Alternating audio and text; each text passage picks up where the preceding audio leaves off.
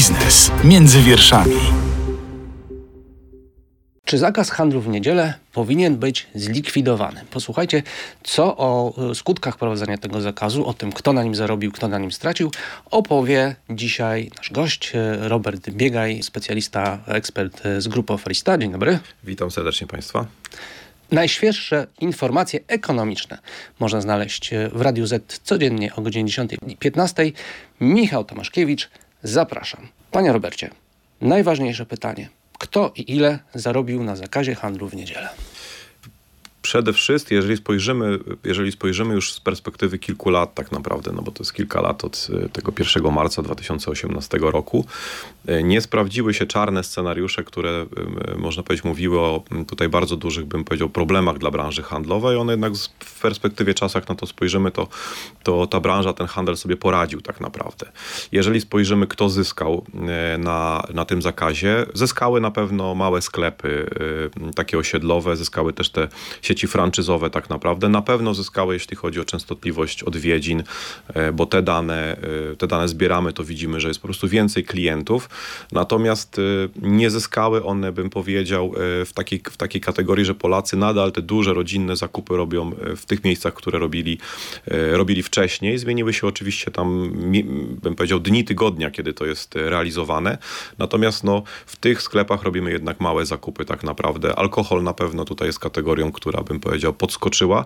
Zyskały też stacje benzynowe. Tutaj na pewno można powiedzieć, że to jest kategoria, która, która zyskała y, na tej sprzedaży, bym powiedział, nie podstawowej, nie benzyny y, czy oleju napędowego, tylko, y, tylko na tych zakupach, więc w tych kategoriach można powiedzieć, że te, mm, że te, że te kategorie, bym powiedział, biznesów zyskały. Natomiast nie udało się odwrócić tego trendu, jeśli chodzi o znikanie tych małych placówek. To się w całej Europie dzieje. Jednym z, jednym z takich przyczynek do wprowadzenia tego handlu było, żeby to, e, jak ja rozumiem, zatrzymać czy spowolnić. No nadal te sklepy znikają tak naprawdę. To się dzieje w Polsce, dzieje się właściwie w całej, w całej Europie. No właśnie, bo y, z Polski zniknęło kilka tysięcy takich tak. małych osiedlowych sklepów w ciągu kilku ostatnich lat. Tak. W całej Europie one znikają tak naprawdę, no przegrywają po prostu walkę konkurencyjną, taką no typową, klasyczną, e, cenową, z tymi dużymi sieciami, dużymi formatami, które no mają większe możliwości kapitałowe, większe możliwości, nie wiem, negocjacyjne, logistyczne, marketingowe, tak, e, także, więc e, no po prostu tak tutaj ten rynek, bym powiedział, się konsoliduje, jeżeli można spojrzeć na, na to w ten sposób. W Polsce to szczególnie, bym powiedział, jest widoczne, gdzie no Polacy pokochali bym powiedział, zakupy w, w, w, dużych, że tak powiem, sieciach handlowych, w dyskontach, e, w, w dużych formatach e, tak naprawdę i te no, małe sklepy no, nie mają tutaj w, du w dużej perspektywie szans i to się dzieje w całej Europie. Nie ma to właściwie, nie mogę podać przykładów właściwie żadnego kraju, gdzie, gdzie się, tak powiem, ten trend inaczej kształtuje. Zakaz handlu w niedzielę został wprowadzony w 2018 roku. Tak. Miało więc już 5-6 lat, zależy jak liczyć. Mhm. Jak w tym czasie zmienił się rynek? E, jakie sklepy stały się popularniejsze, jakie e, odwiedzamy mniej często? Y, no, zyskują przede wszystkim, tak jak powiedziałem, ale nie jestem przekonany, czy to jest, y, czy to jest jak gdyby wprost związane z tym zakazem handlu. Na pewno zyskują mm, dyskonty. Polacy pokochali, bym powiedział, y, zakupy w dyskontach i ich udział rośnie. Rośnie głównie, rośnie głównie jak spojrzymy, mm, kto traci, no to tracą hipermarkety tak naprawdę. Więc nie zyskują, bym powiedział, te małe sklepy w takim, bym powiedział, dużym biznesie w, w spojrzeniu na, na, na pieniążki, które tam Polacy zostawiają stawiają. Natomiast coś, co na pewno się zmieniło i co jest ewidentnie tutaj skorelowane z tym zakazem handlu, to są dni, kiedy robimy zakupy. Widzimy po tym, jak Polacy przenieśli te zwyczaje zakupowe z dużą pomocą oczywiście sieci handlowych, które duże pieniądze zainwestowały w komunikację, w marketing, w poinformowanie Polaków, w ściąganie je w inne dni do, do, do, placówek. E, to są bardzo duże wzrosty zaraz, obserwowane zaraz, szczególnie po wprowadzeniu tego zakazu, który był takim no, jakimś swego rodzaju, można powiedzieć, szokiem dla branży. E, rewolucją w każdym bądź razie należało się do tego, mm, że tak powiem, przygotować. E, zyskały przede wszystkim zakupy we wtorki i w czwartki tak naprawdę. Soboty nie są tymi dniami, które jak się by można powiedzieć, tak logicznie by wydawało, że wtedy Polacy zaczną robić te zakupy niedzielne. Polacy obawiają się kolejek w soboty, więc więcej robimy tych zakupów we wtorki i w czwartki. Co w dużym, w dużym bym powiedział, w dużej mierze ja przypisuję mądrej, skutecznej kampanii takiej informacyjnej tak naprawdę tych sieci handlowych. Czyli zmieniły się zwyczaje zakupowe. Tak, tak. Robimy teraz wtorek i czwartek to nowa niedziela. Tak, Natomiast czy w te wtorek i czwartek kupujemy więcej na zapas? No, musimy jeden dzień jak gdyby, musimy jeden dzień jak gdyby tutaj zapewnić sobie, bym powiedział, tego braku dostępu do, braku dostępu do, do, do, do, otwartych placówek, więc kupujemy więcej tak naprawdę. Natomiast y, branża jako całość, jak spojrzymy z tej perspektywy 6 lat, y, po pierwszym takim okresie y, lekkiego, bym powiedział, zachwiania, y, wyszła na prostą, rozwija się, bym powiedział, więc ten handel nie spowodował jakiegoś tutaj dużego, dużego tąpnięcia. Także jak ja się przyglądałem, y, bo też się zastanawiałem, czy na przykład Polacy nie przeniosą tych zakupów do internetu tak naprawdę, no to zdecydowanie większym tutaj takim czynnikiem, który spowodował zmusił, że tak powiem, Polaków e, do to, takiego łaskawszego spojrzenia te zakupy internetowe był COVID tak naprawdę i, i tutaj.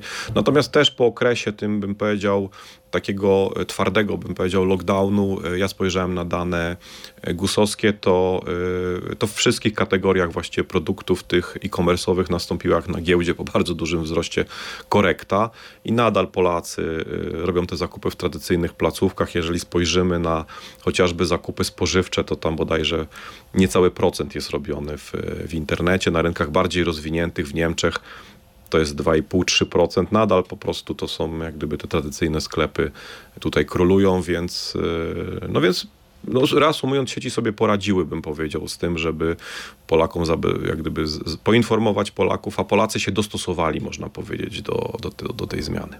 Gdy wprowadzono zakaz handlu w niedzielę, mówiono między innymi, że jest to taki gest w kierunku właśnie małych sklepów, że y, Polacy, którzy będą przychodzić na zakupy w niedzielę i będą odbijać od drzwi supermarketów, dyskontów, będą chodzić do tych małych, osiedlowych y, sklepików i w nich będą robić sobie zakupy. Co poszło nie tak? Co poszło nie tak? No założenie było, jakbym powiedział, y, od razu, y, od razu bym powiedział błędne, ponieważ no, y, no sami wiemy, jaka jest różnica, bym powiedział, w, w, i w asortymencie, i w cenach też często, no nie ukrywajmy się, w dostępności. Poza tym, no te sklepy, no też koszty jakieś transakcyjne, no to jest tak, że w tym hipermarkecie czy w jakimś dyskoncie zrobimy daleko więcej tych, większy asortyment, po prostu jest wygodniejsze, łatwiej zaparkujemy, więc, więc akurat to, to, to jest taka, taki kierunek, który ja od razu bym powiedział, e, jak to było wprowadzane, wątpiłem, że on się po prostu powiedzie. Tam był drugi argument tak naprawdę e, rozsądny, można powiedzieć. E, tutaj, zwłaszcza Solidarność bardzo tutaj lobbowała, żeby zadbać o, o tych pracowników e, branży handlowej, żeby te niedziele po prostu spędzili z rodziną, czy w jakiś, przemodelować trochę, można powiedzieć, ten, ten, ten sposób, e, bym powiedział, spędzenia, spędzania wolnego czasu Polakom i to się jakoś tam, bym powiedział, myślę, że udało, chociażby to widać po tych ilości tych takich biznesów, bym powiedział, około turystycznych, czy, czy, czy, czy takich, które no, zapewni, zapewniają, bym powiedział, tą rozrywkę, y, czy, czy sposób spędzenia wolnego czasu, powiedział w te niedziele niehandlowe tak naprawdę. Czy na pewno się udało? Bo pamiętam y, przepisy covidowe, z których wynikało, że pracownicy y, rzeczywiście nie mogą sprzedawać nic w niedzielę, ale pracować w sklepie już mogą. ja myślę tak, że to, to, są, to są, bym powiedział, takie mm, argumenty, no, z którymi się no, no, ciężko nie zgodzić, bym powiedział. E, natomiast, e, tak jak myślę, to wszystko można było w, jak gdyby w, chociażby regulacjami w prawie pracy, że tak powiem. E, no, no bo ciężko się nie zgodzić, żeby jednak zadbać o tych pracowników, którzy, którzy no mają, bym powiedział, którzy są zmuszeni tak naprawdę do pracy, czy... czy, czy... Bo, bo, bo, bo powiedzmy jasno, zakaz pracy na kasie, ale na przykład, y, żeby przyjechać, przyjąć dostawę towaru, wystawić te towary na półki, to już tutaj problemu nie było. No tak, tak. No to są, no, no jest wiele tutaj, bym powiedział, takich, y, jest ponad 30 wyjątków tak naprawdę od tego i tu, tu to jest, y, no to jest też jak gdyby rzecz, która, która tutaj no poszła nie tak, bym powiedział tak naprawdę, więc ja jestem za tym, żeby te, te, te regulacje były, że tak powiem, prostsze, proste, no, prostsze przede wszystkim, tak, żeby uwzględniały te prawa pracownicze. E, oczywiście pozostaje kwestia przerzucenia tych kosztów, no bo tam jest też e, jak gdyby wyższe wynagrodzenie przewidziane w tym wszystkim, więc to jest też przerzucenie tych kosztów na, na sieci handlowe. Natomiast, żeby były one prostsze, żeby też nie tworzyły, bym powiedział, takiej no, zasad nierównej konkurencji tak naprawdę. No to, żeby rynek się jak gdyby roz, dobrze rozwijał w dobrym kierunku, e, no to muszą być równe zasady dla wszystkich, a to, że jest konkurencja, no to tylko i wyłącznie klienci na tym korzystają. To jest jak gdyby tutaj clue, e, clue, clue tego systemu tak naprawdę. Y, mówiliśmy o tym, że małe sklepy znikają, ale czy na pewno znikają, a może one po prostu zmieniają szyld i stają się żabkami? Nie, no znikają, znikają. No, znika ich dużo tak naprawdę. Y, akurat y, tutaj sieć, o której pan mówi, ma bardzo, bym powiedział, duże plany ekspansji, ale one nie są, zakładają nie aż tak wielki wzrost, jak jest jak gdyby ubytek tych sklepów tak naprawdę. Muszę, muszę powiedzieć, że działają bardzo prężnie, dlatego działają. że przechodziłem ostatnio obok bloku mieszkalnego, który właśnie jest, są, są, są prowadzone końcowe pra prace wykończeniowe tego budynku. Nikt się jeszcze nie wprowadził, ale na parterze y, żabka już działa.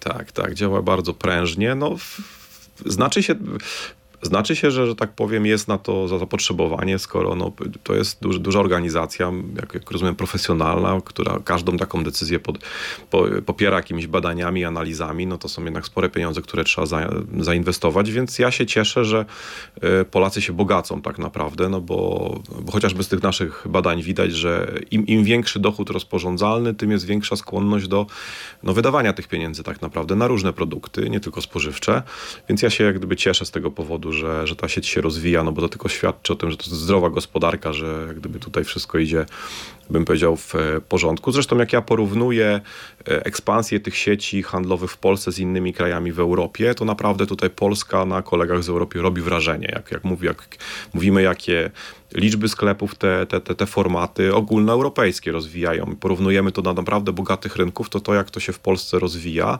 jak Polacy kupują e, i jak, e, mm, no jak gospodarka się dzięki temu rozwija, tak, no są wszelkiego rodzaju podatki, daniny państwowe, to naprawdę robi to wrażenie dla tych, nawet na tych rynkach takich bym powiedział już bardzo rozwiniętych i dojrzałych. Krąży taka internetowa i miejska legenda, że e, żabki należą, czy też współnależą do ojca Tadeusza Rydzyka. Czy to prawda? Nic mi nie wiadomo na ten, na, na, ten, na, ten, na ten temat. Y, nie mam tutaj dokładnych informacji, ale z wiadomości prasowych y, czytałem ostatnio, że y, na temat właśnie planu rozwoju tej sieci, że tam głównym właścicielem jest fundusz inwestycyjny i nie jest to. Myślę, że zwróciłoby to moją uwagę, jeżeli to byłby fundusz z Torunia, więc, więc wydaje mi się, że to jest międzynarodowy fundusz. Nic, nic, nic nie wiem na ten temat. Mhm.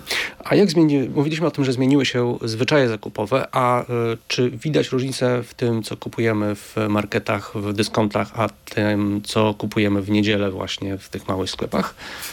No, no, tak jak mówię, no na pewno nie robimy w tych małych sklepach takich dużych zakupów rodzinnych tak naprawdę, y, na które no, y, jak gdyby wydajemy gro tutaj tego budżetu. Tam są takie zakupy, bym powiedział, po pierwsze, one są, z naszych obserwacji wynika, że one są bardziej emocjonalne, czy takie, no nieplanowane w każdym bądź razie. Te zakupy w dużych sieciach, te, te o których mówimy, takie, takie zwyczajowe, bym powiedział, tygodniowe, one bardzo często są planowane, przeglądane są różne oferty promocyjne.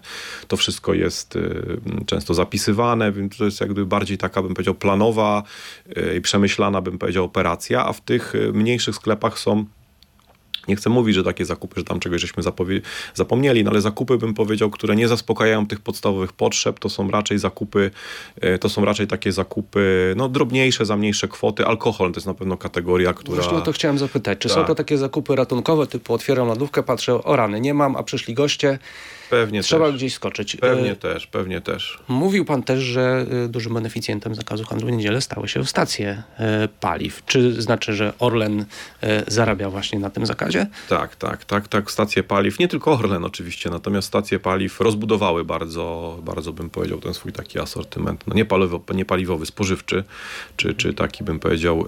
No Orlen chwalił się, że to już jest chyba ponad miliard złotych przychodu ze sprzedaży tak, na stacjach paliw, tak, takich tak. właśnie produktów typu typu żywność, czy słynne hot dogi chociażby. Tak, tak. No też proszę pamiętać, że to jest daleko bardziej marżowy, marżowa sprzedaż niż sprzedaż paliwa po prostu, więc, więc to jest na pewno bardzo, może to się wydawać, bym powiedział, to chociażby w sieciach kin widać tak naprawdę, jak to jest marżowy, marżowy, że tak powiem, biznes, więc y, można się tego podśmiewać, natomiast to jest na pewno, bym powiedział, taki kierunek bardzo atrakcyjny takiego przedsiębiorstwa jak Orlen, czy, czy, czy inne stacje benzynowe, żeby tą sprzedaż, bo ona jest wiadomo, że jest realizowana z wyższą marżą, E, no nikt nie robi na stacji benzynowych. Nie znam wielu takich przypadków, takich dużych zakupów, więc to są, tak jak pan mówi, raczej jakieś pojedyncze, ratunkowe historie, ale z dużą marżą realizowane, więc, więc, e, więc tak, na pewno stacje zyskały, e, zyskały też na tym zakazie. Czyli tak naprawdę te mniejsze sklepy albo stacje paliw są takimi ratunkowymi sklepami monopolowymi albo z różnymi smakołykami, używkami typu tak, chipsy. Tak, tak, zdecydowanie tak. No nie, na, na pewno nie mogę zaryzykować takiego stwierdzenia, że Polacy y, duże zakupy zaczęli robić na stacjach benzynowych czy w małych sklepach tylko dlatego, że one są otwarte, otwarte w niedzielę, więc nadal robimy je tam, gdzie żeśmy robili. E, zresztą widzimy, jak te sieci, jaką mają ekspansję, jak się rozwijają, otwierają nowe placówki. Co chwilę słyszymy te duże formaty, po prostu ogłaszają bardzo duże liczby, jeśli chodzi o otwarcie nowych placówek. No tak jak mówię, nikt tego, nie, nikt tego nie robi po prostu e, bez jakiejś takiej głębszej analizy, bez, e, bez oceny jakiejś tam, bez biznesplanu, bez oceny jakiegoś takiego, powiedział, prawdopodobieństwa biznesowego, że to się po prostu płaci. A jaki jest w tej chwili stosunek branży handlowej do zakazu handlu w niedzielę? Przez pewien czas wydawało się, że on przeszkadza i uwiera, czego, e, co mogliśmy zobaczyć na przykład po tych wojnach na wyszukiwanie wyjątków i używanie wyjątków w ustawie, czyli placówka pocztowa, wypożyczalnia sprzętu sportowego. Coś jeszcze tam nie pamiętam. Z tych ciekawych rzeczy? Ponad 30, ponad 30 wyjątków, więc to jak gdyby e, no tak jak mówię, no to jest tutaj, yy, to poszło nie tak na pewno, jak, jak tutaj. Mm. No, po, no, pamiętamy, że był czas, kiedy do Biedronki, do Lidla można było pójść na zakupy w każdą niedzielę, tak. bo stwierdzili, że dobra, to my będziemy tymi placówkami pocztowymi, skoro wszyscy tak. się otwierają, to my też będziemy się otwierać. Czy, czy, czy jest właśnie taka chęć, potrzeba wśród sieci handlowych e, takiego polobowania, żeby ten zakaz znieść, czy, jeśli chodzi czy jest dobrze jak jest? Jeśli chodzi o sieci handlowe, to to sieci handlowe nie są, e, nie są bym powiedział tutaj takie już jednoznacznie jakiś, jakiś czas temu, bo sobie poradziły z tym po prostu, więc e, też proszę pamiętać, że to jest branża, która się od wielu, wielu lat boryka z, z, z brakiem rąk do pracy tak naprawdę, że widzimy jak się chociażby te kasy automatyczne pojawiają tak naprawdę, a to wszystkie partie właściwie, które weszły do koalicji, y, wspominały oczywiście o liberalizacji tego, ale wspominały o dodatkowym wynagrodzeniu, y, że tak powiem, za pracę w niedzielę. Mm, jak domyślam się, tak, tak myślę, że tutaj pewnie po prostu byłoby to przerzucone na pracodawcę, więc no to powoduje jakieś dodatkowe, no trzeba by to skalkulować tak naprawdę, czy, czy, czy, te, czy, ten, czy otwarcie tej placówki w niedzielę jest po prostu najzwyczajniej w świecie opłacalne. Na pewno podmioty, czy, czy, czy rodzaje działalności, które, które jak gdyby cały czas y, jak gdyby optują za tym, żeby to znieść i które straciły. Są galerie handlowe tak naprawdę, tak, centra handlowe, duże galerie handlowe. Tam po prostu, mimo że oczywiście, że one nie były zamknięte, że tam część tych, y, czy, tych biznesów byłyby, były otwarte, można było operować, no to y, spadła, że tak powiem, liczba no, tych odwiedzających, tak, więc to, jest, no, to są na pewno podmioty. W sumie trudno oczekiwać, że na przykład pójdzie się w niedzielę do, nie, do galerii handlowej, żeby wysłać list tak, w tak, tak, tak, więc to na pewno są biznesy, które bardzo jednoznacznie, no do tej pory bardzo jednoznacznie przedstawiciele czy zrzeszenia, że tak powiem, tego typu podmiotów mówią o tym, że, że zależy im na tym, żeby ten handel był po prostu zli, zliberalizowany. Natomiast jeżeli posłuchamy już e, wypowiedzi nawet przedstawicieli poszczególnych sieci handlowych, to one to, to, to nie są już to takie jednoznaczne, bym powiedział, deklaracje że, że na pewno e, jak gdyby, znaczy, że to jest bardzo, bym powiedział, wyczekiwane przez branżę tak naprawdę. Czyli może się okazać, że powrót do y, siedmiodniowego tygodnia y, handlu będzie nieopłacalny dla części Dla części tak może być, dla części tak może być. Jeżeli, z, jeżeli mm, może tak być, jeżeli mm, tak naprawdę będziemy musieli zapewnić pełną, bym powiedział, obsługę no, w danej placówce, tak, a przy okazji, przy okazji, no to jest różnie dla różnych biznesów, a przy okazji ruch w tą niedzielę po prostu będzie nieduży tak naprawdę, bo, no bo taka jest typ, typ placówki na przykład, tak, że ludzie akurat tego typu zakupów nie robią w, w weekend, no to się może okazać, że to jest po prostu nieopłacalne. No to jest rzecz, którą jak gdyby te sieci handlowe zostały przez sytuację zmuszone do, do zaobserwowania, przeanalizowania i policzenia. No się, nikt się wcześniej nad tym nie zastanawiał tak naprawdę aż tak intensywnie, no bo była tutaj pełna, od początku lat 90. mieliśmy tu pełny liberalizm i robiliśmy zakupy, myślał, kiedy nam się, kiedy nam się, bym powiedział, podobało i nikomu nie przyszło do głowy, żeby to ograniczać tak naprawdę. Eee, Ciężko mi powiedzieć. No, Węgry, Węgry są takim przyk przykładem. Tam bodajże w 2015 roku został taki bardzo, bym powiedział, restrykcyjny zakaz wprowadzony, ale po roku, po roku bym powiedział, e, się z tego wycofano. Ale są takie kraje, tak jak mówię, Niemcy, Austria, e, częściowo Francja, Szwajcaria, Norwegia, gdzie jest po prostu bardzo, i to od wielu lat, to nie są jak gdyby pomysły, nie wiem, kilkuletnie, tylko daleko bym powiedział e, starsze, gdzie ten, gdzie właściwie, tak jak w Niemczech, tylko i wyłącznie placówki e, zdelokalizowane na dworcach, czy na stacjach benzynowych są otwarte i tam możemy zrobić zakupy. Nie. A jak wygląda zainteresowanie niedzielami handlowymi, które są wyjątkami właśnie od tego zakazu e, obecnie? Czy tutaj widać, że e, Polacy są zainteresowani e, wizytami w sklepie w tego ostatniego dnia tygodnia, czy też może raczej mówią sobie, już zrobiłem sobie te zakupy we wtorek i czwartek, nie potrzebuję? Jest, bym powiedział, nieduże te zajęcia. Jest coraz mniej tak naprawdę. W tym roku to jest bodajże 7, 7, 7 niedziel, więc no chociażby, nie wiem, przejeżdżając koło parkingu widzimy, że nie są one tak zatłoczone jak w tygodniu tak naprawdę, no bo to trzeba też pamiętać, jak gdyby e, inaczej jest oczywiście przed świętami, które są planowane, ich jest więcej, wtedy jak gdyby jesteśmy zmuszeni, bym powiedział. Natomiast no to są, bym powiedział, trudno powiedzieć, że, są, że, że ktoś jakoś planuje bardzo, bardzo bym powiedział intensywnie. My nawet po tych e, danych w naszych aplikacjach widzimy, że te zainteresowanie jest mniejsze. No bo to trzeba pamiętać, że ta, co roku te niedziele są inne, więc jak gdyby trudno jest, jest ich no coraz mniej, jak gdyby zmniejsza się, jakbym powiedział, liczba do tej pory, więc trudno też e, jak gdyby oczekiwać, że ktoś ma, nie wiem, w kalendarzu pozapisywane, że teraz i poluje na te, bym powiedział, zakupy, więc, e, więc, więc e, no nie jest to, nie, nie jest to, bym powiedział, nie, główny biznes się nie odbywa w tę niedzielę, w ten sposób bym powiedział. Hmm.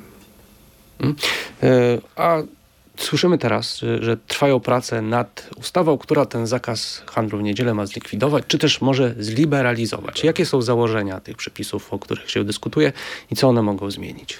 E, tam się dyskutuje o tym, żeby były zagwarantowane dla pracowników dwie niedziele wolne tak naprawdę w, w, w miesiącu, plus e, dodatkowe wynagrodzenie, bodajże dwukrotne, więc, więc jak gdyby tutaj te prawa pracownicze Czyli by... W niedzielę dwukrotna dniówka. Tak, dwukrotna dniówka tak naprawdę. No patrząc ze strony oczywiście pracownika, no to jest bardzo takie, bym powiedział, dobre zabezpieczenie, bym powiedział, biznesu. Natomiast on na koniec dnia to też się przełoży na, na, koszty, na koszty, że tak powiem, sieci handlowych, więc takie tutaj jest, e, takie bym powiedział, jest e, wymaganie. Mam nadzieję, że to będzie poprzedzone, bym powiedział, jakąś tutaj debatą, dyskusją w centrum dialogu z różnymi organizacjami, także pracodawców tak naprawdę, żeby, no żeby uniknąć tego, co było przy poprzednim, bym powiedział, tej, tej bym powiedział, e, przepisów, żeby jednak to był jakiś konsensus wypracowany, bo także Polacy, jak patrzymy na badania, to ich się percepcja zmieniła tak naprawdę i można powiedzieć, jak dużo zwolenników, tak dużo przeciwników, bym powiedział, tych zmian. Do, do tego chciałem dojść. Obecnie e, zwolennicy i przeciwnicy e, zakazu handlu w niedzielę stanowią mniej więcej równe grupy społeczne. Prawie A kiedyś przeciwników e, handlu, e, zakazu handlu w niedzielę było więcej. Co się stało? No, przyzwyczaili się Polacy tak naprawdę, myślę. No i zobaczyli, że można sobie z tym poradzić. Tak jak mówię, no te czwartki i wtorki, wtorki i czwartki nie są, bym powiedział, wyjątkowe. E, to było, to jak pan mówi, 5-6 lat temu wprowadzane było to dość, dość rewolucyjne. Zresztą no też pamiętajmy, że po tej liberalizacji w ogóle gospodarki w latach 90., no przyzwyczailiśmy się do tego, to zresztą widać w tym naszych w naszym badaniu, zwłaszcza w bardzo młodej takiej grupie wiekowej, że to jest, to jest wartość tak naprawdę, że, że oni sobie, że te osoby sobie bardzo nie życzą, jak państwo bym powiedział, reaguje, e, e, ingeruje za bardzo, bym powiedział, w takie, w tą ich wolność tak naprawdę konsumencką, można powiedzieć. Natomiast Polacy się przyzwyczaili, zaczęli, że można sobie z tym poradzić. Może docenili też w jakimś tam stopniu, bym powiedział, ten czas spędzony z rodziną, czy trochę inny model e, spędzania, że tak powiem, wolnego czasu. Natomiast jest cały czas duża grupa, oczywiście ona jest mniejsza niż kiedyś, bo kiedyś był taki nawet moment, że to było prawie 60% jak gdyby osób niezadowolonych z tego ograniczenia. W tej chwili w tym najnowszym naszym badaniu to jest mniej więcej 46-44 i to ta, ta liczba zwolenników zmian, tak bym to powiedział, zmalała w ciągu ostatniego pół roku o 8%. Myślę, że tak, bo jak w zeszłym roku bodajże we wrześniu takie badanie robiliśmy, to tam było 54%. Przeciwników. E, przeciwników obecnej sytuacji, czyli zwolenników jak gdyby zmiany, e, zmiany tych przepisów, powrotu do jakiejś formy, bym powiedział, liberalizmu. Oczywiście w tym badaniu pytaliśmy ogólnie o, o, o tą ideę, gdybyśmy zapytali o jedną czy dwie niedziele, pewnie tych jak gdyby zwolenników zmian byłoby trochę więcej, bo, ale jest też duża grupa ludzi, którzy, która ma po prostu no, no, złe zdanie, czy jak gdyby nie akceptuje pracy, bym powiedział, w niedzielę jako takiej, tak naprawdę poza jakimiś takimi, bym powiedział, służbami, które no, ze swojej natury, nie wiem, muszą, muszą te usługi świadczyć. Natomiast ta liczba, myślę, że im dłużej e, będzie rząd tutaj z tym zwlekał, tym, tym, tym ta liczba będzie malała, to się wyrówna. E, natomiast nie sądzę, żeby to spadło poniżej 40%, bo jest bardzo taka, bym powiedział, też ciekawa rzecz z tego badania wyszła, jest, jest bardzo taki wyraźny podział, jak gdyby dla kogo to stanowi, dla jakich grup to stanowi, bym powiedział, problem, a dla których to nie, nie stanowi problemu. Kto w takim razie chce robić zakupy w niedzielę, a kto jest temu przeciwny? Przede wszystkim e, naj, naj, naj, największa reprezentacja zwolenników, ponad 60%, bodajże 65, 67, to są, to są młode osoby, to są osoby w wieku 19-24 z dużym dochodem rozporządzalnym, tam tam, tam, e, e, one, się, one się plasują e, w większości w takim dochodzie 7-9 tysięcy i z dużych miast powyżej 500, powyżej 500 tysięcy i połowa tych ludzi to są osoby z wyższym wykształceniem. Te osoby chcą robić zakupy, nie tylko spożywcze tak naprawdę, e, chcą wydawać te pieniądze w ten sposób, jak rozumiem, też chcą spędzać swój wolny czas. Czyli im brakuje tych tak, im tego jak najbardziej brakuje. w galeriach. Tak, też te są osoby często bardzo mocno zapracowane. No wiem, jak się pracuje, bym powiedział, w dużych aglomeracjach. Często e, no, są życiowo jak gdyby zmuszone, gdzie ta niedziela była często jedynym dniem, gdzie można było zrobić zakupy, no inne niż spożywcze, takie, takie rodzinne, więc, więc to też jak gdyby mm, abstrahując od kwestii jakichś tam przekonań, czy, czy, czy, czy, czy, czy wyznawanych wartości, no to takie kwestie praktyczne po prostu tutaj decydowały. Więc te osoby zdecydowanie są za tym, żeby, żeby te zakupy można było w niedzielę, w niedzielę robić, a przeciwne osoby, i tu mężczyźni, że tak powiem, przodują. Tak, tu zdecydowanie, zdecydowanie mężczyźni. 50, tak, 54% mężczyzn jest. Można tutaj pokusić się o stwierdzenie, że są pewne stereotypy, kto lubi robić zakupy w domu, e, w gospodarstwie domowym, a kto raczej nie. Można się pokusić o stereotypy, e, e, natomiast to powiem nie o stereotypach, tylko o otwartych danych. Jeżeli patrzymy na chociażby te nasze aplikacje gazetkowe, promocyjne, to 70% osób, e, użytkowników, którzy planują zakupy, to są kobiety. To są kobiety, więc na pewno kobiety, bym powiedział, podchodzą na podstawie tych naszych danych bardziej planowo, racjonalnie i tak programowo, bym powiedział, do zakupów.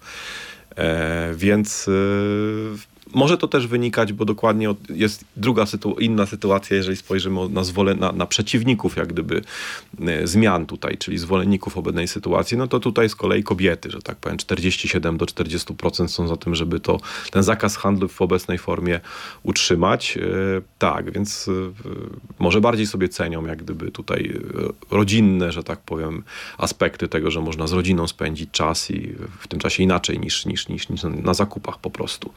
Więc tak tutaj i co jeszcze ciekawe, osoby, które, których jak gdyby satysfakcjonuje obecny, mm, obecny, że tak powiem, stan rzeczy, to są osoby z mniejszych miejscowości. Tutaj przede wszystkim są to osoby w takich miejscowości między 50 a 99 tysięcy mieszkańców z niższym dochodem między 1000 a 3000 zł i przeważa wykształcenie średnie tak naprawdę. Czyli widzimy tutaj, że e, no też, też zdajemy sobie sprawę, że w tych mniejszych miejscowościach no jest zupełnie inny cykl życia i przede wszystkim robienia zakupów. To wszystko się wolniej odbywa. Też widzimy spojrzymy, jak to te sieci handlowe, inne są placówki, bym powiedział, w dużych miastach, a inne w, w mniejszych miejscowościach, więc tam jak gdyby ten, ta, ta niedziela nie stanowi takiego problemu, bym powiedział. Czy możliwość e, otwierania się i przyjmowania klientów w niedzielę stanowi dzisiaj w jakimś sensie przewagę konkurencyjną, czy jednak nie wydaje nie mi się. Różnicy? Wydaje mi się, że tutaj jak gdyby jest e, asortyment, cena, no jak gdyby tradycyjne. No widzimy też, jak komunikują w obecnej sytuacji się, że tak powiem, jaka jest komunikacja tych największych formatów tak naprawdę. No jest walka przede wszystkim tutaj na y, ocenę, tak, udowadnianie klientom, gdzie można te zakupy robić, bym powiedział, najtaniej, y, i to jest, myślę... Skoro już jesteśmy przy tej wojnie cenowej pomiędzy Biedronką a Lidlem, jak pan to e, ocenia? No, to jest moim zdaniem bardzo przemyślana strategia. Y, myślę, że jesteśmy na początku tego wszystkiego. To, to, to, to... Dopiero na początku? Tak, myślę, Mimo, że, tak. już dostajemy te y, alerty SMS, że tak, e-maile tak, i tak. wszędzie są banery, które mówią, że u nas jest tanie, a nie jak liczymy dobrze, to u nas jest tanie i tak dalej? Y, to jest tak, że no, te dyskonty są w ogóle formatami, które zyskują udział, w rynku i ta, i ta komunikacja, którą teraz prowadzą, no jak widać jest skuteczna. Wszyscy o tym, że tak powiem, jest pan kolejną osobą, która o tym mówi i jak gdyby zamykają, bym powiedział, dyskusję na temat tego, gdzie są najlepsze ceny do swojej kategorii. Ciężko tak o tym nie mówić, jeżeli te wiadomości są tak naprawdę wszędzie nawet. Przychodzi SMS, który mówi, że a patrzcie, a u nas jest taniej o 10 groszy. Tak, tak, tak. No, doskonale wiemy, że te sieci mają takie dane, no też yy, mają aplikacje swoje, które są bardzo popularne. Zresztą jak spojrzymy nawet, nie wiem, w, w, w, tą, w, te, w te, ten obszar, który my jak gdyby, e, w którym my, my, my, mamy tutaj kompetencje i działamy, no to te, bym powiedział, e, te oferty promocyjne tych, tych dwóch sieci są popularne. Polacy jak gdyby tego szukają, czekają na nie, obserwują dodają później do list zakupowych, y, mm, planują, bym powiedział, te zakupy, więc to jest jak gdyby dobrze przemyślane i także kanały komunikacji, jak gdyby, więc ja nie jestem zdziwiony, że Polacy o tym mówią. E, ta wojna będzie trwała, ona dla klientów oczywiście jest korzystna na koniec dnia, no bo, no bo prowadzi tak naprawdę czy, do... Jeszcze, jeszcze dopytam, czy mówiąc, że ta wojna będzie jeszcze trwała, ma pan na myśli, że ceny będą e, jeszcze bardziej obcinane? Myślę, że tak, myślę, że tak. Oczywiście to nie będzie trwało nigdy w nieskończoność, bo to nawet takie, takie ogromne organizmy, pamiętajmy, że to są są duże organizmy e, biznesowe, które często działają nie tylko w Polsce, tylko w całej Europie, więc jakby mają tutaj plan na, na, na zawojowanie tego rynku, na, na, na to, żeby budować te kolejne placówki, zwiększać penetrację, że Polacy, mówimy tu o ogromnych pieniądzach naprawdę, to jest, to jest gigantyczny, bym powiedział, gigantyczny e, biznes, e, więc myślę, że to będzie trwało tak naprawdę. No, Komunikacja, jak widać, jest skuteczna, co mogę powiedzieć. Tak naprawdę Polacy o tym mówią. Są, będą kolejne odsłony, y, myślę, tego, tego konfliktu. Każda z tych sieci się podpiera danymi, e, e, bym powiedział, w których wychodzi najtaniej, zewnętrznymi danymi, nie własnymi, więc to jest jak gdyby tutaj zawsze podkreślane. I tutaj właśnie pojawiło, pojawiły się takie zarzuty, czy też może zarzuty to zbyt mocne słowo, ale takie stwierdzenie, że te sieci handlowe tak dość cynicznie grają tymi cenami. Dlatego na przykład, że sprawdzają, jakie produkty są w danym koszyku zakupowym, które chcą użyć do porównania się z konkurentem i wtedy mówią, aha, no to akurat te produkty, które są w tym koszyku, to my teraz y, przecenimy, na przykład o 50% i wtedy się okaże, że u nas jest tak tanio, że po prostu nigdzie indziej na rynku takich cen nie ma. No wykorzystują te sieci różne, bym powiedział, różne zestawienia, różne podmioty. Nawet ostatnio mówią Państwo bodajże w radiu słyszałem podpieranie się jedną z popularnych aplikacji, że według tej aplikacji y, produkty dodawane do... W, w reklamie dodajmy. Tak, w reklamie, tak, w reklamie jak najbardziej u Państwa umieszczonej, że y, produkty umieszczone w bodajże w koszyku zakupowym tej aplikacji są tańsze niż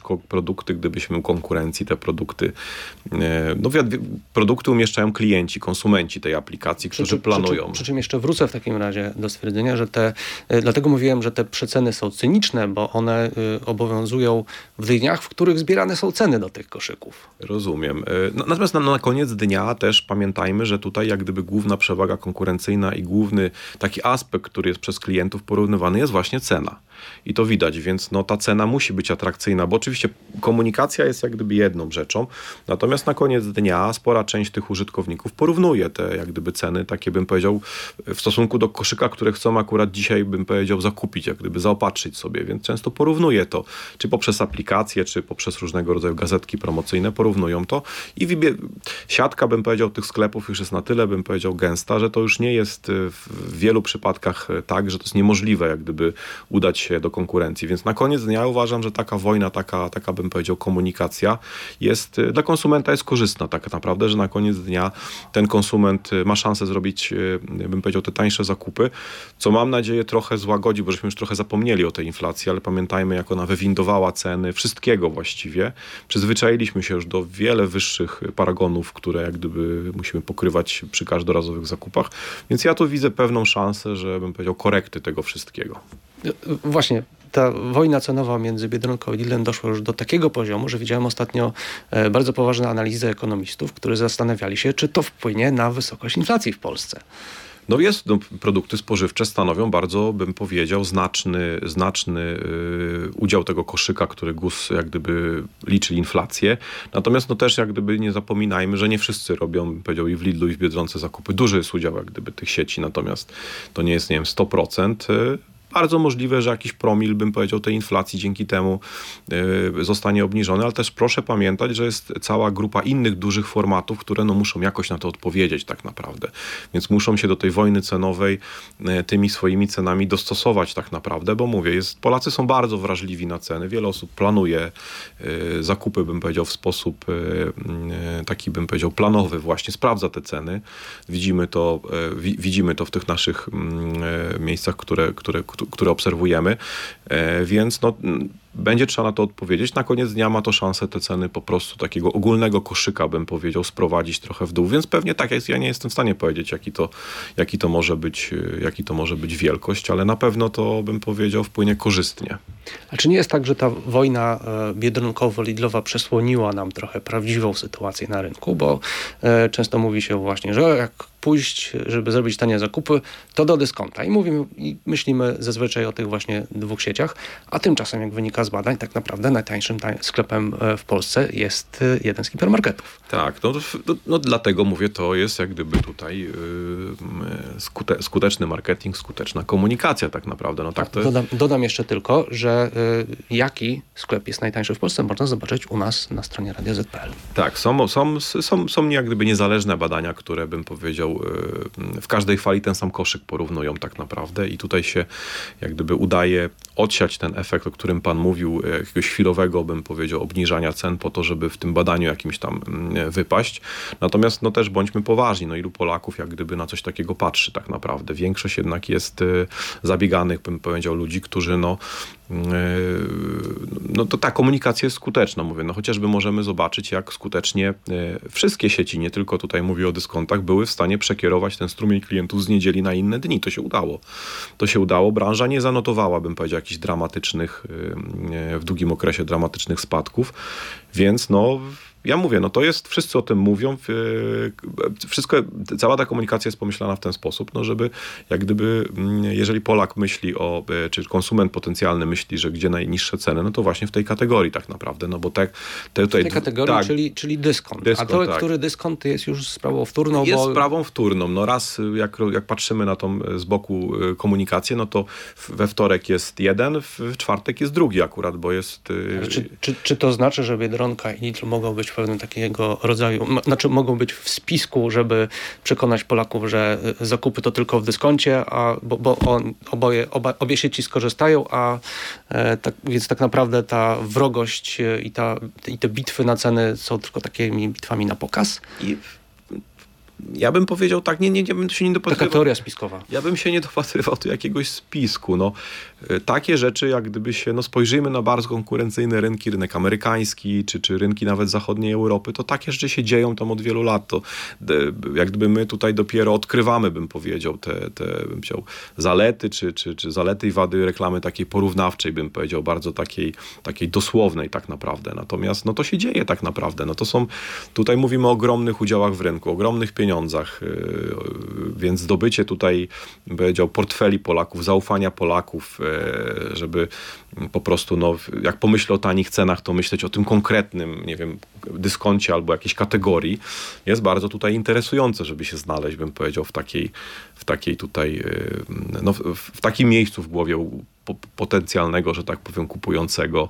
E, więc tak, to jest przemyślane jak najbardziej. Moim zdaniem to będzie trwała, bo się sprawdza ta komunikacja.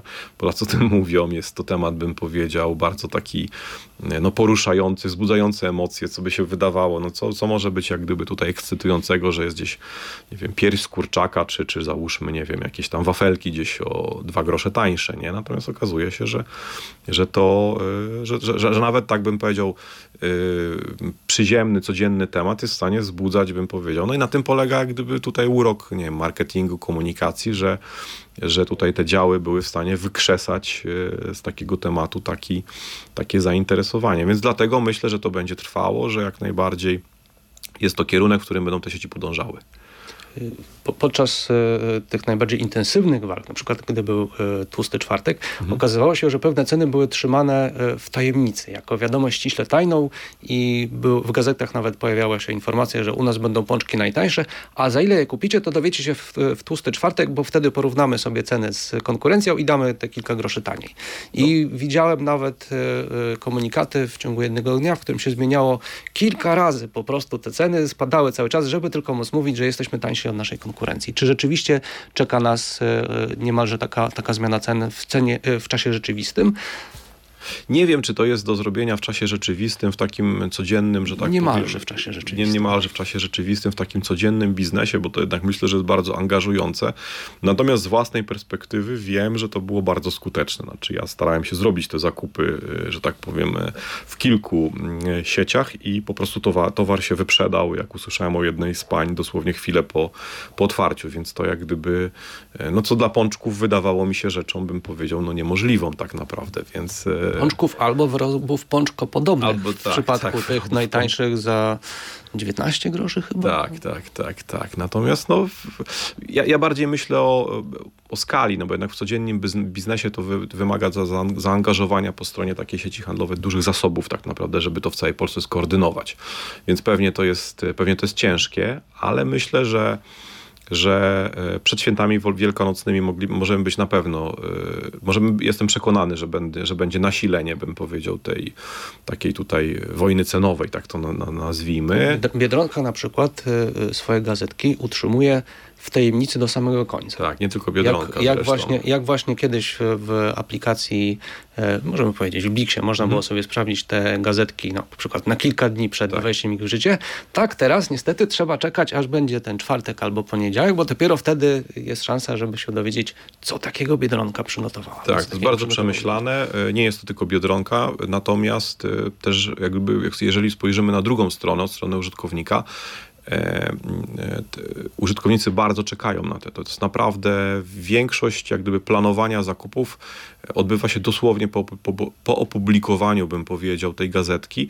I tu się Polska akurat różni od tych rynków, e, rynków zachodnich, gdzie nie ma aż takiego, mm, takiego znaczenia, bym powiedział, e, ci konsumenci tak nie czekają, bym powiedział, na tą premierę tej gazetki, na te, na te ceny, że tak powiem, z takim, z takim, bym powiedział, pożądaniem w ten sposób, więc to jest jak gdyby przemyślana strategia tak Czy, naprawdę. czy my jesteśmy jako konsumenci w takim razie zdalni sterowani przez te gazetki? Czy to, czy, czy to jest tak, że e, mamy listę zakupów, wiemy co chcemy kupić i po prostu sprawdzamy, gdzie e, będzie taniej? Czy też sprawdzamy gazetkę i patrzymy się, mmm, ten produkt tutaj jest w wyjątkowo e, atrakcyjnej cenie. Co prawda w na mojej liście zakupów takiej codziennej go nie ma, ale jest tanio, to wezmę. Czy, nie wszyscy oczywiście, bo to nie jest tak, że jak gdyby wszyscy Polacy, yy, bym powiedział, korzystają z tych aplikacji i, i, i w ten sposób robią No, ale zakupy. gazetki trafiają do skrzynek pocztowych, więc tak, czy siak tak, to... tak, tak, tak. Natomiast jeżeli, y, jeżeli, spojrzymy, y, jeżeli spojrzymy na ogół, że tak powiem, tej komunikacji takiej, która, y, tej promocyjnej, które sieci robią i y, które, której celem jest jak gdyby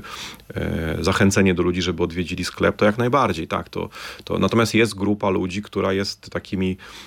nie wiem, heavy userami, jak to można powiedzieć, którzy naprawdę e, czytają te gazetki, czekają na te gazetki. To są kilkumilionowe grupy, że tak powiem, Polaków, którzy w ten sposób, e, w ten sposób, bym powiedział, podchodzą do zakupów. To są bardzo planowe zakupy, więc przeglądane są te gazetki.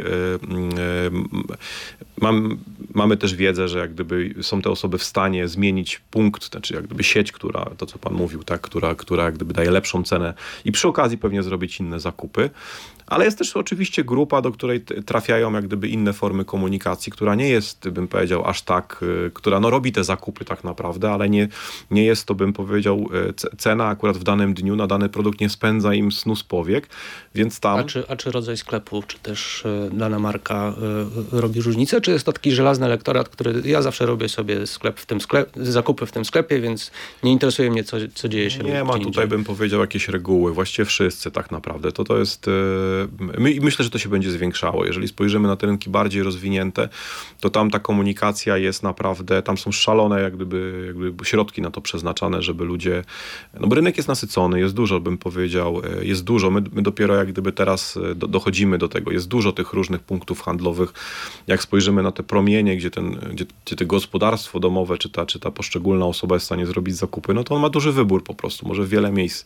Zazwyczaj te wszystkie dyskonty są w odległości spacerowej. No ale nie tylko dyskonty jak gdyby, tak? Znaczy bo też pamiętajmy, że jak, jak, jak spojrzymy w ogóle na jakąś kategorię produktów, którą, którą możemy kupić, no to to jest, y, to jest naprawdę już, y, zwłaszcza na, na zachodzie, to jest duża, bym powiedział, sieć, więc tam cena może grać, zwłaszcza w takim społeczeństwie jak polskie, gdzie jesteśmy trochę no, mniej za, zamożni cały czas od, od, bym powiedział, tych zachodnich, y, bardzo rozwiniętych gospodarek. E, i też Polacy, jak widzimy, bardzo rozsądnie, bym powiedział, robią e, zakupy. Cena zna, gra rolę. Jest to porównywane A nawet. Cena czy promocja? Bo słyszałem, że są no. różnice właśnie w, takich, w tych mhm. zwyczajach zakupowych pomiędzy e, społeczeństwami zachodnimi a naszym, że na zachodzie e, zwraca się uwagę przede wszystkim na to, czy w danym sklepie ogólnie jest tanio, a u nas patrzy się, jest znakomita promocja, to tam idę robić zakupy. Nie wiem, czy bym tak to bym powiedział, e, bo te gazetki promocyjne, jak my spojrzymy, to one się niczym nie różnią. Znaczy one nie są, nie są e, Wielka Brytania jest, można powiedzieć, takim, takim jedynym tutaj e, innym rynkiem, gdzie właściwie do tej pory nie było takiego zwyczaju, dopiero e, dyskonty niemieckie, które tam wchodzą, jak gdyby mm, starają się Brytyjczyków, tam inaczej się robi zakupy, bym powiedział. Starają się tymi, bym powiedział, tą komunikacją przekonać. Na tych, na tych europejskich, tutaj jak gdyby kontynentalnych, to to się specjalnie jak gdyby nie różni. Te, te, te, te gazetki, które są, nie wiem, dostępne, nie wiem, w Niemczech czy w Polsce są bardzo podobne dla tych formatów, więc yy, czy tam się jak gdyby trudno mi powiedzieć, nie mam takich danych, czy jak gdyby tutaj lojalność do marki, jak pan mówi, zbudowana latami, że ja jestem najtańszy i, i tutaj ktoś przychodzi nie patrząc na ceny. Wydaje mi się, że nie do końca, no bo wtedy na koniec dnia te gazetki nie miałyby sensu tak naprawdę, no bo wystarczyłoby podtrzymywać tą komunikację, powiedział, w jakichś takich no, szeroko zasięgowych, nie wiem, mediach ogólnokrajowych i to wystarczy, a tak nie jest, nie? Są ogromne, jak widzimy, widzimy e, liczby chociażby, które te największe e, sieci e, tych gazetek drukują, no grupa Schwarz, czyli Lidl i Kaufland kupiła sobie parę lat temu drukarnię własną tak naprawdę, więc to jest jak widzimy na rynkach naprawdę rozwiniętych niemieckich czy austriackich, E, tam to jest inaczej, mówię, to jest mniej jak gdyby wyczekiwane tak czasowo. Polacy bardzo podchodzą do tego jak do takich super ofert, które się zaraz skończą, więc muszę być pierwszy, szybko zaplanować i zaraz w poniedziałek lecieć do, do bym powiedział, sklepu, bo... Bo wieczorem już będzie wykupione. Bo wieczorem będzie wykupione, albo będzie jakieś tam ten... To, to tam jak gdyby to jest bardziej y, takie, bym powiedział, spokojne, rozłożone w czasie. To znaczy te osoby jak gdyby mają świadomość, że zatowarowanie będzie, a w ofercie jest napisane jakiś czas obowiązywania, bym powiedział, promocji i, i z tego korzystają. Też no nie oszukujmy się, to jest zupełnie inaczej, jak to obserwowałem jeszcze 10 lat temu. To, to, to, to nie jest to same społeczeństwo nie wiem, austriackie, niemieckie czy szwajcarskie, gdzie dyskonty czy, czy takie bym powiedział wrażliwość cenowa była niższa. Teraz także tam jak gdyby no, no ma, ma, to rolę, może nie aż taką jak w Polsce, ale to, to, to już nie można patrzeć takimi stereotypami, że, że jak gdyby tam się na cenę nie zwraca uwagi. A jak wygląda podział rynku, jeżeli chodzi o kapitał? Y, mamy dużo sieci handlowych, które są, y, y, należą do kapitału zagranicznego. Jak dużo mamy sklepów stricte polskich i sieci stricte polskich? To jest y, róż, ciężko tutaj jak gdyby, y, ciężko tutaj jakoś udziałami, bo ja nie mam takich danych, natomiast no, y, widzimy, że ten rynek jest po prostu bardzo tutaj, no, no są właściwie wszystkie sieci można powiedzieć, które się, albo prawie wszystkie, albo są w Polsce, albo były w Polsce i się no, nie udało. Wiemy tutaj o wielu przykładach no, nieudanej jednak ekspansji różnych, e, bym powiedział, sieci. Natomiast no, są też polskie sieci, które no, próbują e, z dużym sukcesem, że tak powiem. No się... właśnie, mamy takiego jednego rodzynka, prawda? Tak, tak, tak. Natomiast no, ja mam wrażenie, że... Ta... o nim. Ja, ma, ja, ja, mam wrażenie, że no, ta sieć jest po prostu rozwijana lokalizacyjnie w takich miejscach i dociera do takiego, bym powiedział, no, no, no, nie wchodzi jak gdyby tutaj takie bezpośrednie zwarcie, bym powiedział, z tymi głównymi dyskontami. Nie wchodzi jeszcze, czy nie wchodzi w ogóle? Pewnie, jeżeli będzie będzie, je, bo i, i dyskonty te... Bo te miejsca, gdzie tych dyskontów nie ma, no prędzej tak. czy później się skończą. Pewnie tak, pewnie tak. Natomiast na razie jak, jak gdyby nie ma takiego, bym powiedział... I nie bójmy się powiedzieć nazwy. to proszę panu.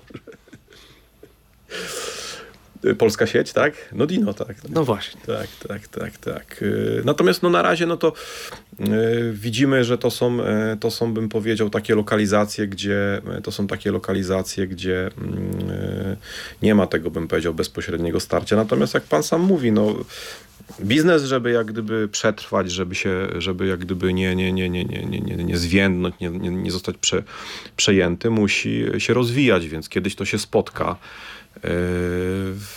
Ja nie wiem z jakim skutkiem no, to, to, to, to, to, to, to życie, że tak powiem, pokaże. Natomiast no, widzimy, że nawet potężne sieci europejskie sobie w Polsce potrafiły nie poradzić tak naprawdę z różnych I wycofywały się z rynku. To też można podać nazwę. Tak, Tesco, tak, Żant, Real. Tak, tak, tak. No, Billa, nie wiem to, czy ktoś pamięta, yy, lata 90. bardzo popularna sieć w tej chwili, no, że tak powiem, obecna nie wiem, w Austrii, w, w innych jak gdyby miejscach.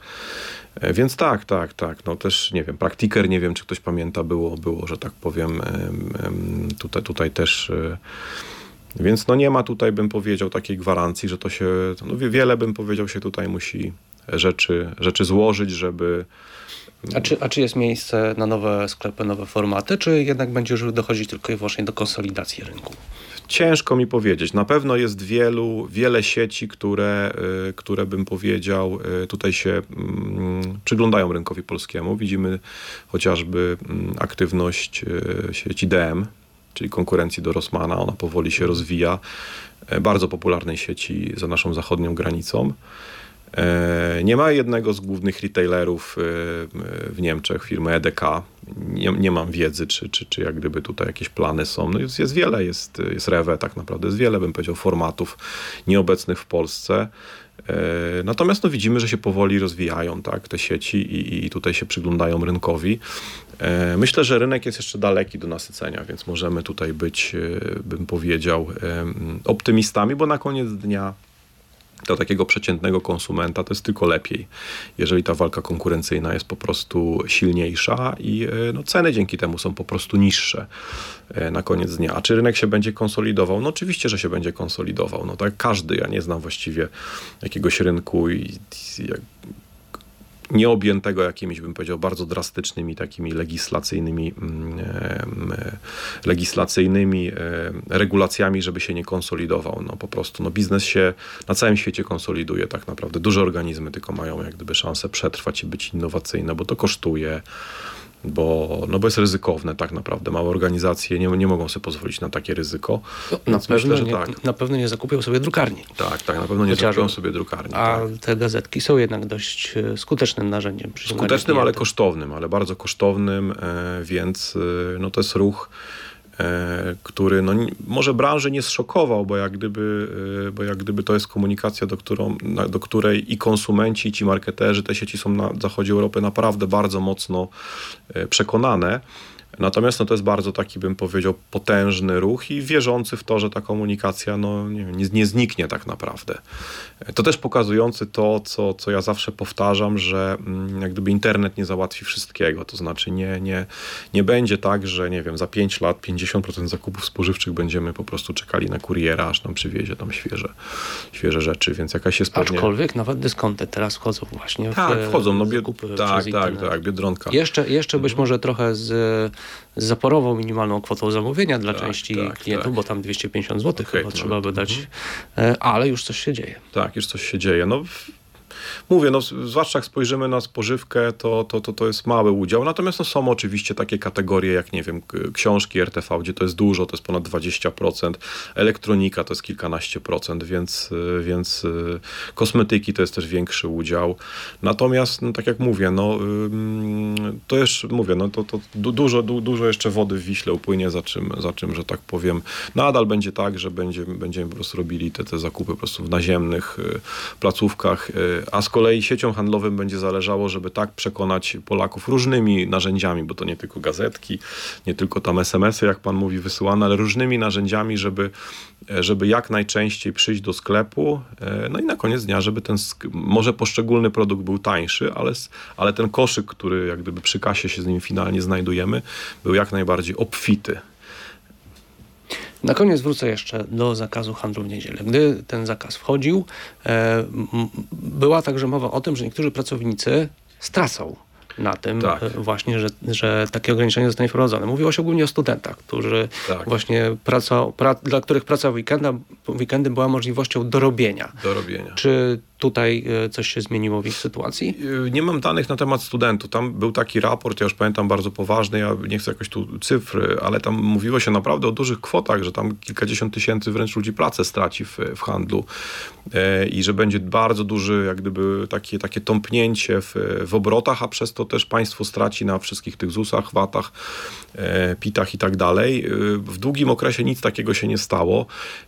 E, Teraz się mówi z kolei o kilku tysiącach, e, czy tam kilkunastu tysiącach, że jeżeli ten zakaz byłby zliberalizowany, że, tej, że ta praca się, że tak powiem, pojawi dla, e, dla bym powiedział, dla, dla tych studentów też między innymi. Natomiast no też mówię, pamiętajmy o tym, że branża od wielu lat w ogóle się boryka, przepraszam, z, z, mm, z problemami kadrowymi. No stąd, I to nie tylko w Polsce, na, w całej Europie, nie wiem, Polacy jak podróżują, to widzą, że jest daleko więcej niż w Polsce liczba tych kas, bym powiedział, samoobsługowych, a często spotkanie y, takiej fizycznej, kasy z, fizy, jak gdyby z osobą, która tam, która, y, która pomaga nam, robi y, taką no, tradycyjną pracę kasjera, graniczy z cudem, można powiedzieć, więc to w całej Europie jak gdyby jest, jest problem z, y, z pracownikami, więc...